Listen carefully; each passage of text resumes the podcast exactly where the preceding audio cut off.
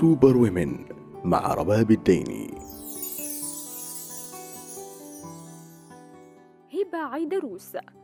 محاضرة جامعية في كلية الحقوق في جامعة عدن ومحامية ومستشارة قانونية ومدافعة عن حقوق الإنسان والموروث الثقافي لعدن. حصلت على درجة الماجستير في القانون الجنائي عام 2014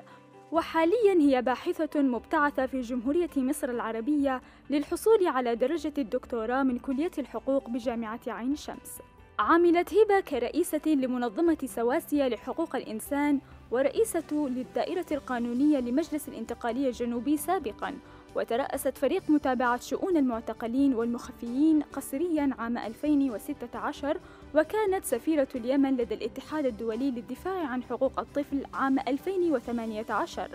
هبة عضوة ومؤسسة لعدد من الجمعيات والشبكات والمبادرات وشاركت في العديد من الفعاليات مع مبادرة مسافر السلام ومبادرة إدارة الأزمات والأمم المتحدة للمرأة والمؤسسة الدولية للانتخابات والديمقراطية.